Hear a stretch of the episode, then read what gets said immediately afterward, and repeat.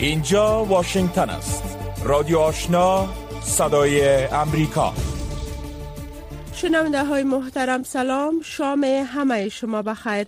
آواز ما را زماج رادیو آشنا صدای امریکا میشنوین. رویا زمانی هستم با تقدیم برنامه خبرین ساعت. نخست از همه مشروع خبرها را از همکارم قدیر مشرف میشنوید. سلام و وقت همه شما بخیر شنونده های عزیز. قصر سفید استراتژی امنیت ملی رئیس جمهور بایدن را نشر کرده است. در این استراتژی که وقت روز گذشته نشر شده به افغانستان نیز اشاره شده و نشان می دهد که امریکا پس از خروج نیروهایش از این کشور همچنان متحد به مبارزه با حراس افغانی در افغانستان است. در این استراتژی 48 صفحه‌ای نوشته شده است که ایالات متحده برای حفاظت از امریکا و مردم خود در مقابل تهدیدات حراس افغانی ثابت قدم است و زمانی که تهدیدهای حراس افغانی زیاد می شود همین گونه باید برخورد ضد تروریستیان نیز تغییر کند در این استراتژی نوشته شده که هرچند نیروهای امریکایی از افغانستان بیرون شدند اما ایالات متحده به توانایی هایش برای جنگ در برابر القاعده، داعش و دیگر گروه های تروریستی باور دارد.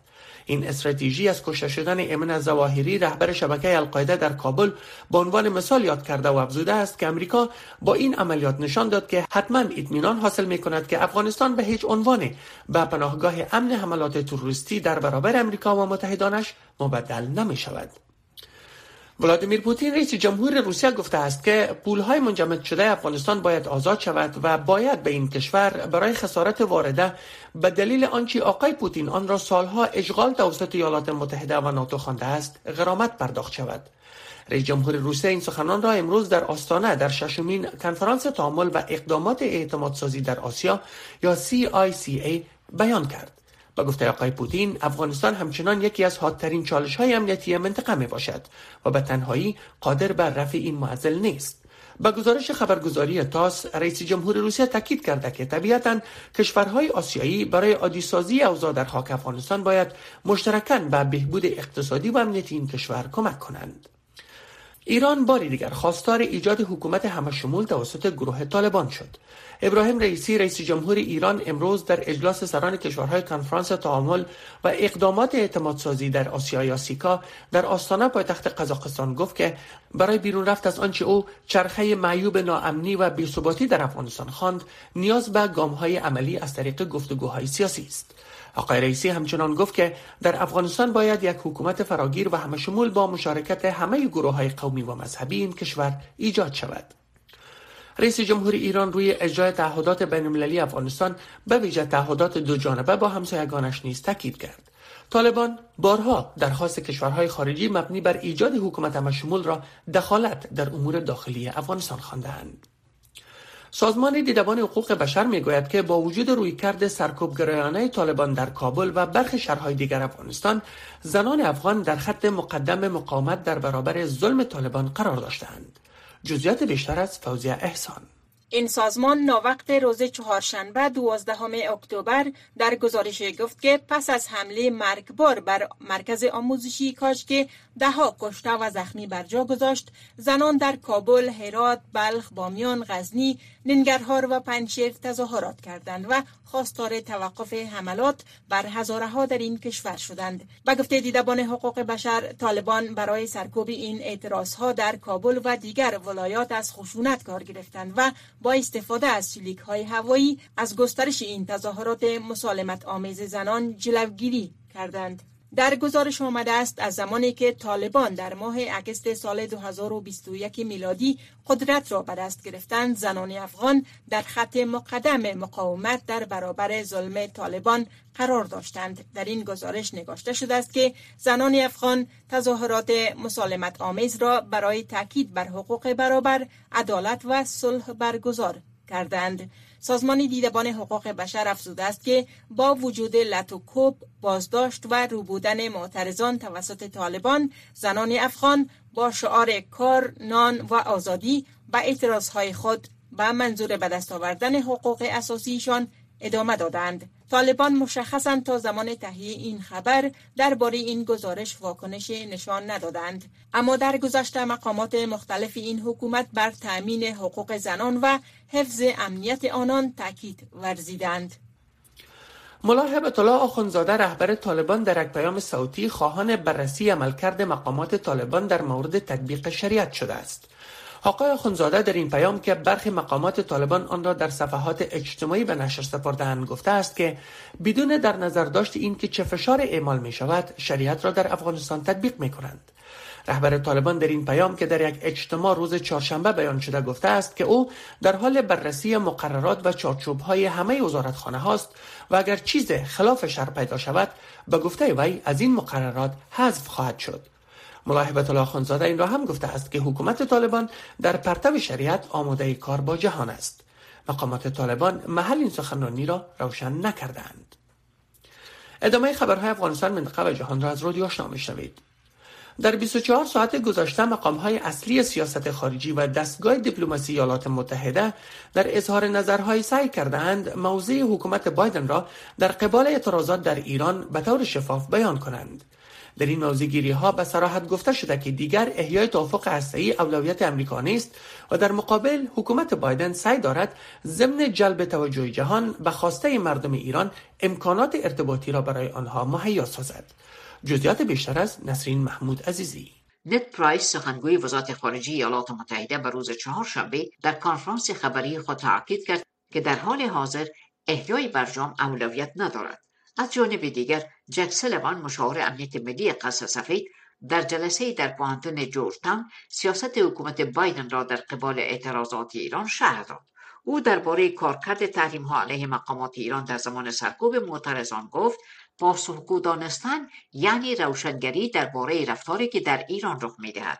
و افزود منظور این است تا ما آنچه را که در ایران رخ می‌دهد با عبارات صریح و واضح بیان کنیم که رئیس جمهور بایدن و ما در دولت او انجام داده ایم. دومین هدف واشنگتن به گفته آقای سلمان تحمیل هزینه است نه فقط از طریق تحریم ایران به عنوان یک دولت بلکه تحریم افراد و نهادهایی است که مسئول سرکوب هستند و دولت بایدن یک سلسله تحریم هایی را علیه پلیس ارشاد و سایر مقامات دولت ایران که در این سرکوب ها مشارکت دارد اعمال کرده است مشاور امنیت ملی قصر سفید تاکید کرد که بخشی از اقدامات دیگر واشنگتن شامل آنچه است که وزارت مالیه امریکا در برداشتن تحریم ها انجام داد غلام حسین محسنی اجایی رئیس قوای قضاییه ایران امروز پنجشنبه گفت که به قاضی ها دستور داده تا احکام سنگینی را علیه آن افراد صادر کنند که به گفته وی عوامل اصلی اختشاش در ایرانند. اسنا شبکه نیمه رسمی ایران به نقل از آقای محسنی اجایی گزارش داده که گفته است به قضات دستور داده تا افراد کمتر گناهکار را از هم جدا سازند و از نشان دادن همدردی غیر ضروری به عوامل اصلی این اختشاش ها ورزیده و حکم های سنگین را علیه آنان صادر کنند. مظاهرات مرگبار سرتاسری ایران پس از آن شعلهور شد که محسا امینی بانوی 22 ساله در اسارت پلیس ارشاد ایران جان باخت. طب ایران علت مرگ او را بیماری که داشته عنوان کرده است. اردوی عراق گفته است که کم از کم نه راکت منطقه سبز بغداد را که مقر حکومت این کشور است هدف قرار داده است. راکت های امروز پنجشنبه در نزدیکی پارلمان عراق قبل از برگزاری یک جلسه احتمالی اصابت کرده است. مقامات امنیتی عراق می‌گویند که کم از کم پنج نفر به شمول سه غیر نظامی در این حملات راکتی مجروح شدند. این نخستین بار نیست که قبل از یک جلسه برنامه ریزی شده پارلمان حملات راکتی صورت می‌گیرد. در 28 سپتامبر نیز این منطقه شدیدا تحت تدابیر امنیتی زمان شاهد راکت پراگنی ها بود که اعضای پارلمان برای رئیس جدید این نهاد رأی اعتماد داد. یک بم در نزدیکی یک بس اردوی سوریه در یک قریه دمشق منفجر شده و 18 سرباز را کشته است. تلویزیون دولتی سوریه به نقل از یک مقام اردو گزارش داده که در این انفجار امروز پنجشنبه 27 نفر دیگر نیز مجروح شدند. حملات مشابه در دو سال پسین ده سرباز را در های تحت کنترل حکومت سوریه کشته و مجروح کرده است. ماه گذشته شب نظامیان مخالف اسد بر یک بس اردو در نزدیکی پلمیرا در مرکز سوریه حمله کرده و 13 سرباز سوری را کشته و 18 تن دیگر را مجروح ساختند. مقامات سوری در این حملات گروه داعش را مقصر خواندند. و عربستان سعودی امروز پنجشنبه گفت که ایالات متحده از ریاض خواسته است تا تصمیم اوپک و متحدانش از جمله روسیه را برای کاهش تولید نفت یک ماه تا قبل از انتخابات میان دوره‌ای روان ایالات متحده به طویق بیندازد. در بیانیه که سوی وزارت خارجه عربستان سعودی منتشر شده به طور مشخص به انتخابات و اهمیت حفظ اکثریت حزب دموکرات در کنگرس از سوی جو بایدن رئیس جمهوری ایالات متحده اشاره نشده است. با این حال در این بیانیه گفته شده است که ایالات متحده پیشنهاد کرده که کاهش قیمت نفت یک ماه به تعویق بیفتد و این کاهش درست قبل از انتخابات 8 نوامبر خواهد بود. افزایش قیمت نفت در نتیجه افزایش قیمت تیل یک محرک اصلی تورم در ایالات متحده و سراسر جهان و بدتر شدن مشکلات اقتصادی جهانی بوده است. زیرا جنگ چند ماهه روسیه علیه اوکراین همچنین عرضه جهانی غذا را مختل کرده است. پایان خبرهای افغانستان منطقه و جهان از رادیو آشنا صدای امریکا.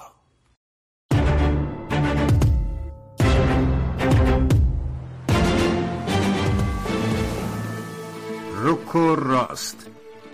صحبت های داغ صاحب نظران و نظریات شنوندگان در مورد خبرها و مسائل روز هر شام از ساعت 8 تا 9 شب در برنامه مشترک دری و پشتوی رادیو آشنا صدای امریکا.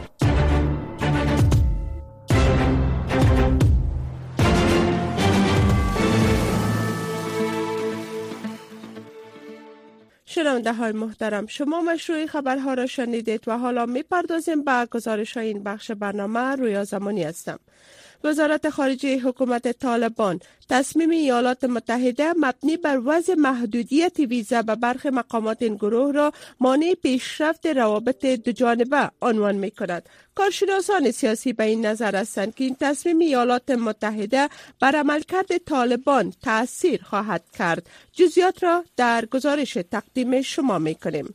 وزارت خارجه حکومت طالبان با نشر اعلامیه تصمیم ایالات متحده مبنی بر وضع محدودیت صدور ویزا به برخی مقامات این گروه را مانع فرارهای گسترش روابط دو جانب عنوان کرده است. و گفته این وزارت این تصمیم در حال گرفته شده که مقامات بلندپایه ایالات متحده و طالبان در این هفته در دوحه نشستهای مفصلی در سطوح مختلف برگزار کردند و تقریبا در مورد همه موضوعات بحث و تبادل نظر کردند. وزارت خارجه حکومت طالبان گفته است ایالات متحده امریکا باید با توجه به مذاکرات تأخیر دوحه گام های مثبتی بردارد و در عمل نشان دهد که به دنبال تعامل سازنده با امارات اسلامی است. چون این تصامیم می تواند تاثیر منفی بر روابط دو جانبه داشته باشد. این وزارت تاکید کرده که موارد اختلافی میان دو جانب باید از مجاری دیپلماتیک حل و فصل شود و خواستار تجدید نظر چنین تصمیم هایی که به گفته این وزارت به نفع دو طرف نیست شده است. انتونی بلینکن وزیر خارجه ایالات متحده روز سهشنبه بر آن عده از مقامهای کنونی و پیشین طالبان محدودیت صدور ویزای امریکا را وضع کرد که به صورت مستقیم و یا غیر مستقیم زنان و دختران را در افغانستان سرکوب کردند وزارت خارجه ای امریکا با نشر اعلامیه گفته است افرادی که مانع رفتن و یا وضع محدودیت دختران به مکاتب متوسطه و بالاتر از آن می‌شوند مانع مشارکت کامل زنان در محل کار و یا انتخاب شغل آنان می‌شوند مانع جنبش زنان می‌شوند و یا مانع آزادی بیان و حریم خصوصی آنان می‌شوند شامل وضع این محدودیت می‌شوند. وزارت خارجه ایالات متحده گفته است که اعضای خانواده نزدیک این مقام های طالبان نیز با محدودیت صدور ویزای امریکا مواجه می شوند. میرویس آشفته تحلیلگر سیاسی گفت که این تصمیم بر چگونگی عملکرد طالبان تاثیر می‌گذارد و به نحو مقامات این گروه را تحت فشار قرار می دهد. واضح چنین یک محدودیت بر اینا اثرگذار خواهد بود و شاید بتواند طالبان را متوجه به بسازه که حاکمیتشان در این حالی که هیچ به گونه مشروعیت بین المللی توان پیدا نمی‌کنن برای اینکه اینا مشروعیت داخلی ندارن. حتی امی یک سلسله امکانات بیرونی هم برایشان روز تا روز محدود شده میره. من فکر می‌کنم که اثرگذار است. آقای آشفته افزود که فشارهای بیشتر بر حکومت طالبان نیاز است تا این گروه به خواستهای مردم تمکین کند. امین صداقت دیگر تحلیلگر سیاسی گفت که بعد از یک سال و چند تمرد و عهدشکنی طالبان با دنیا به ویژه ایالات متحده جامعه جهانی در رأس ایالات متحده را واداشت که تصمیم جدید در قبال مقامات طالبان بگیرند قبلا اینها فکر می‌کردند که طالبان یک حدی اقلی از حقوق بشر را رعایت خواهد نمود مکاتب را به یک نحوی باز خواهد نمود یک حکومت نمایشی ملی یا همه شمول تشکیل خواهد داد. ولی دارد دنیا صبرش به پایان می‌رسد لبریز می شود و در برابر دنیا اینها تمرد کردن و نشان از انعطاف برای وجود ندارد. از همین جهت است که آمریکایا ناچارن مجبور بودند که چنین یک اقدامی را بکند. آقای صداقت افزود که اگر کشورهای همسو و همپیمان امریکا نیز چنین محدودیت را بر مقامات کنونی و پیشین طالبان وضع کنند در آن صورت در کوتاه مدت نه بلکه در دراز مدت منجر به تاثیر مثبت خواهد شد. اما به گفته این تحلیلگر سیاسی در قبال این تصمیم ایالات متحده روسیه و چین بیشتر به طالبان انعطاف نشان خواهند داد که این امر برای طالبان زمان می‌خرد و آن گروه را ترغیب می کند که از خود مقاومت نشان دهد همچنان آقای صداقت با اشاره به دیدار مقامات استخباراتی ایالات متحده و طالبان در قطر و همچنان سفر تانس فست نماینده ویژه ایالات متحده در امور افغانستان به کابل گفت که این گونه سیاست بیانگر رویکرد یک بام و دو هواست. رادیو آشنا صدای امریکا هفت روز هفته. خبر و گزارش ها و تحلیل های خبری روز. شنونده های محترم قسمت که در خبرها هم شنیدید که ملا هبت الله آخوندزاده رهبر طالبان در یک پیام صوتی خواهان بررسی عملکرد مقامات طالبان در مورد تطبیق شریعت شده است. آقای آخوندزاده در این پیامی که برخی مقامات طالبان آن را در صفحات اجتماعی به نشر سپرده گفته است که بدون در نظر داشت اینکه چی فشار اعمال می شود شریعت را در افغانستان تطبیق می کند. تطبیق شریعت به چی مفهوم و در کدام عرصه ها خواهد بود؟ همکار ما نسرین محمود عزیزی در مصاحبه نظرات آقای آرون نجمپور دیپلمات پیشین و تحلیلگر امور سیاسی را جویا شده است که اینک این مصاحبه به توجه شما رسانیده می شود. آقای نجمپور رهبر طالبات در پیام صوتی خود گفته که در حال بررسی مقررات و چارچوبای تمام وزارتخانه است. اگر چیزی را خلاف شرعیت پیدا بکنه از مقررات حذف خواهد کرد و شریعت اجرا می‌کنه این اجرای شریعت به چه معنا می شده این قسمت؟ تشکر سوال ممی است که کدام شریعت امید کنم که طالبا برداشت منصر به فرد افراطی و تکفیری خود از دین داره و غیر خودی را کافر میدانه و دین برای طالبا یک وسیله به رسیدن به اهداف استراتژیکشان و در جامعه سنتی مذهبی افغانستان متاسفانه از اون استفاده زیاد هم کردن. شریعت مورد ادعای طالبا شریعت خودخواسته و خود تفسیر کرده است با حق اسلام و موضوع اسلام ارتباط نداره بیشتر طالبات تلاش کردن که از او در راستای منافع خود استفاده کنن اسلام به صورت بسیار مختصر حال وقتش نیست تا به جزئیات صحبت کنیم. عدالت اجتماعی اصل می‌دونه در مشکلات مردم اصل می‌دونه آموزش در اسلام حق است پرداختن به مشکلات مردم حق است. هیچ کدام از اینا برای اولویت نداره متاسفانه. فقط اونا از اسلام و از دین به دنبال تطبیق و بخشهایی هستند که بتانه منافعشان را تامین کنه و باید اقتدارشان به قدرت شود. دنیا چطور یک واکنش نشان خواهد داد در مقابل طالبان؟ هیچ واکنش متاسفانه بود رقمی که دیدیم در سالهای گذشته در مقابل طالبان دنیا هیچ واکنشی که تناسب باشه نداشته به خصوص در سال گذشته که اونا دوباره با سلطه و زور و با توطیه منطقوی و داخلی و بین المللی متاسفانه قدرت دوباره به گرفتن و آماده هم نیستن که با مردم افغانستان و حتی با خودشان تعامل کنن و مشکلات حل کنن و برن به طرف ایجاد یک ساختارها و دولتی که مورد قبول مردم افغانستان و جامعه جهانی باشه. جهان هیچ وقت آن طور که شاید باید اکسال عمل نداشته و نخواد داشت نهایت که دو تا اعلامیه خواهد صادر کرد و او را محکوم خواهد کرد که تاثیری بر رفتار طالبا نداره نداشته و نخواهد داشت و شما چه فکر می‌کنین که مدافعان حقوق بشر به سوی طالبات چه نوع گام هایی را برخوان داشت؟ گامی را برداشته نمی‌تونن متاسفانه افغانستان دیگر جایگاه استثنایی که در 20 سال گذشته تقریبا داشت که متاسفانه از استفاده نشد دیگر هیچ جایگاهی در جامعه جهانی نداره. توجه جهان برش کم شده. از امو اولویتی که افغانستان در, در مناسبات بین المللی برخوردار بود دیگر افتیده روز به روز در انزوا قرار گرفته میره و از این وضعیت هم طالبا به نفع خود استفاده می‌کنن شما می‌بینید که حقوق بشر و مردم افغانستان دیگر اولویت میداشت از در شورای حقوق بشر که دو روز قبل وجود انتخابات برگزار شد افغانستان کاندید بود. در افغانستان متاسفانه رای نه خود دلیل چی بود؟ که ما دولت نداریم ساختار نداریم سیستم لابیگری نداشتیم و توجه جامعه جهان هم نبوده. جامعه جهانی هم کافی نبوده. اگر شورای حقوق بشر و شورای ابرقدرت جهان طرفدار حقوق بشر مدعی دفاع دفاع حقوق بشر می‌خواستن و توجه می‌کردن فقط می‌دانستن که به عنوان یک اکثر عمل علیه طالبا موضوعیت افغانستان که فعلا پیش سفارتخانه های افغانستان در خارج از شورای حقوق بشر تایید می‌کردن یا رأی می‌دادن. و خود از این می‌تونه یک عکس عمل باشه در مقابل رفتار طالبان در افغانستان. و در انتها زنای افغان با شعار کار و نان و آزادی به اعتراضات خود به منظور به دست آوردن حقوق اساسیشان ادامه دادند که در مقابل اونا طالبان از خشونت کار گرفتن از گسترش تظاهرات مسالمت آمیزشان جلوگیری کردند. حال اگر زیر سایه حذف مقررات وزارتخانه ها حقوق زنا و حقوق کارمندا حذف شود چی مسائل رونما خواهد شد. زنها دیگه در حقوق داره شوه چیزی برشان مونده متاسفانه؟ که زنها حق کار ندارن حق آموزش ندارن حق اظهار نظر ندارن حق اجتماع ندارن. و عکس عملی هم در, در مقابل طالبا آنطوری که شاید باید قاطع وجود نداشته. به نظر میگه حق برای متاسفانه خانم در دیگه در افغانستان وجود نداره که او از این به بعد درباره ما صحبت کنیم. همه حقوق خود متاسفانه دست دادن. مامور خمام که می‌بینیم در خط مبارزه اول مبارزه علیه طالبا هستن با شعاری که میان به جاده ها ولی متاسفانه هیچ موثریت با وامی تفکر فیلی طالبا که دارن نخواهد داشت.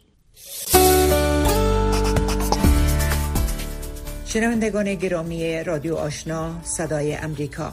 نشرات رادیو آشنا را در موج متوسط 1296 موج کوتاه 11575 اشاری سفر و در موج 972 کیلوهرتز شنیده می توانید.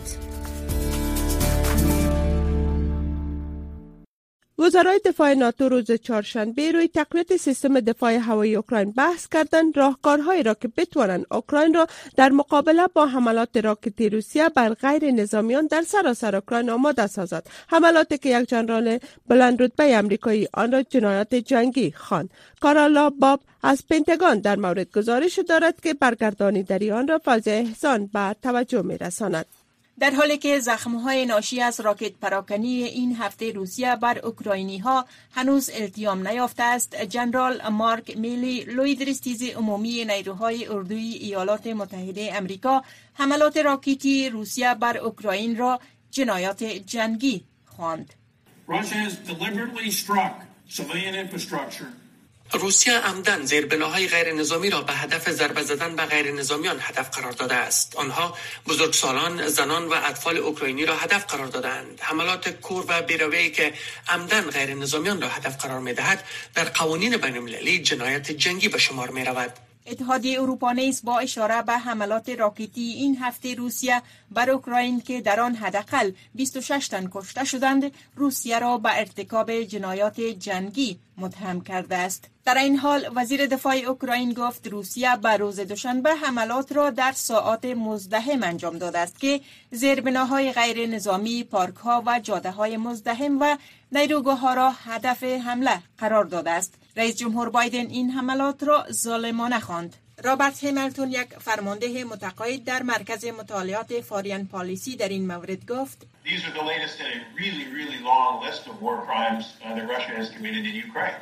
اینها واقعا فهرست طولانی و آخرین موارد از جنایت جنگی است که روسیه در اوکراین مرتکب شده است. اگر به گذشته نظر بیاندازیم قریه بوچا در کیف که با خروج روسها قبرهای دستجمی در آنجا پیدا شد. قبرهایی که در شرق اوکراین پیدا شد. فهرست سلاحهایی که اوکراین آرزو و تقاضای فوری آن را از رهبران ناتو دارد شامل توپهای بیشتر سلاحهای دفاع هوایی برای خنثی کردن راکت هایی که از جانب روسیه وارد اوکراین می شود و هویتزرهای بیشتر است. تا کنون آلمان اولین سیستم دفاعی را به اوکراین فرستاده است. یک مقام پنتاگون به صدای امریکا گفت که ایالات متحده دو سیستم پیشرفته میزایل های زمین به هوای ملی را هفته آینده به اوکراین ارسال می کند.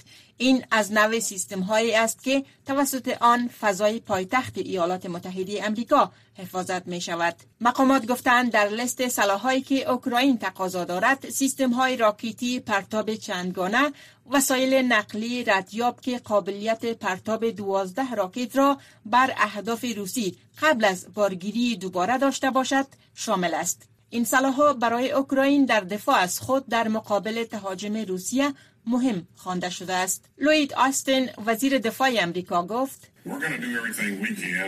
ما هر آنچه را که می توانیم انجام بدهیم تا مطمئن شویم که آنها هر آنچه را که برای موثریت لازم است در دسترس داشته باشند. در این اواخر ما شاهد بودیم که آنها بسیار موثر بودند هم در شرق و هم در جنوب. نیروهای اوکراینی بخشهای از قلمرو را از روسیه پس گرفتند ینس استولتنبرگ منشی عمومی ناتو اقدامات هفته های اخیر روسیه را جدیترین اقدامات تشدید کننده جنگ از زمان حمله به اوکراین در ماه فبروری خواند. ولادیمیر پوتین رئیس جمهور روسیه گفته است که حملات راکتی اخیر مسکو به اوکراین پاسخ مستقیم به حمله روز شنبه بود که توسط یک وسیله نقلیه انجام شد و پل استراتژیک بزرگی را که کریمیا را با روسیه وصل می کند تخریب کرد. روسیه برای تجهیز نیروهایش در جنوب اوکراین از این پل استفاده می کرد.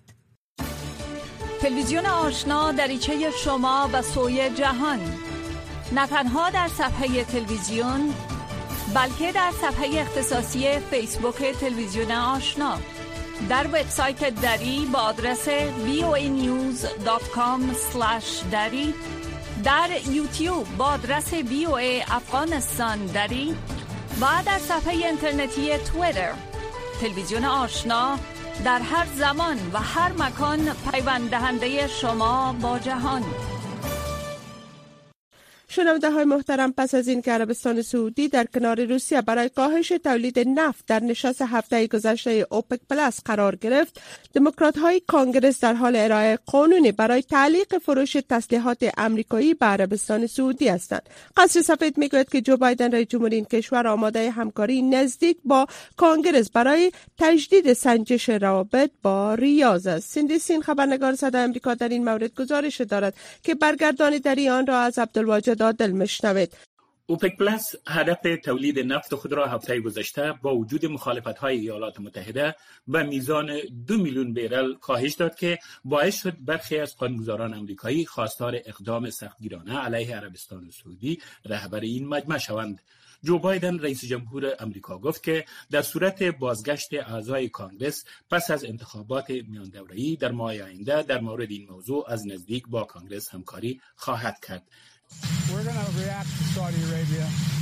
ما به عربستان سعودی واکنش نشان خواهیم داد و وقت نمایندگان کانگرس به وظیفه برگشتند در حال انجام ریزنی هستیم. ما اقدام خواهیم کرد. در مقر کانگرس دو قانونگذار دموکرات قانونی را برای توقف فروش تسلیحات امریکایی به عربستان سعودی ارائه کردند و گفتند که ریاض نیروی محرکه تصمیم اوپک پلاس برای کاهش عرضه جهانی نفت در جریان حمله روسیه به اوکراین بود. سناتور ریچارد بلومنتال دموکرات گفت پیچیدگی این مسائل فراتر از یک تصمیم واحد در مورد نفت است. و رئیس جمهور کاملا حق دارد که مورد توجه و تعمق قرار گیرد. ما این قانون را معقول و درست می دانیم این یک تصمیم خاص را هدف قرار می دهد رابطه یک طرفه مستند شده است.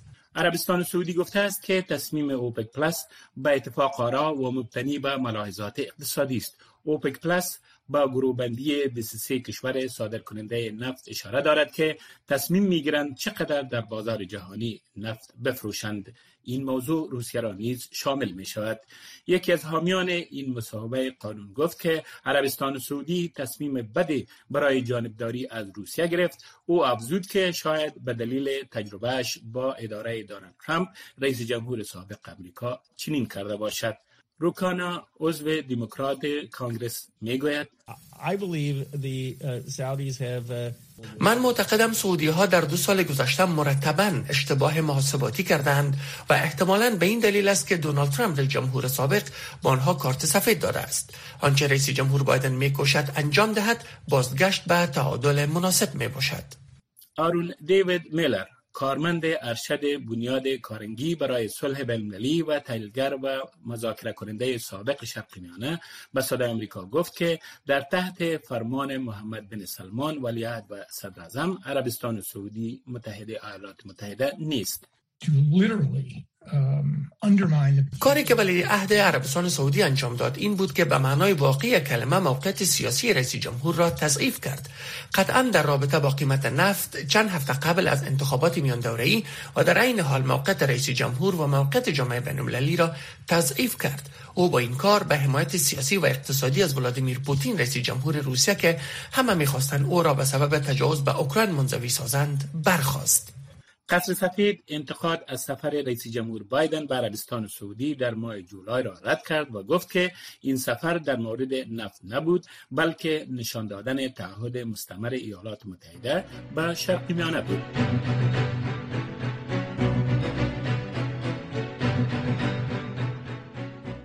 شنونده های محترم این بود داشته های بخش برنامه که تقدیم شما شد. امیدوار که شما شنونده برنامه های رادیو آشنا صدای امریکا باشین.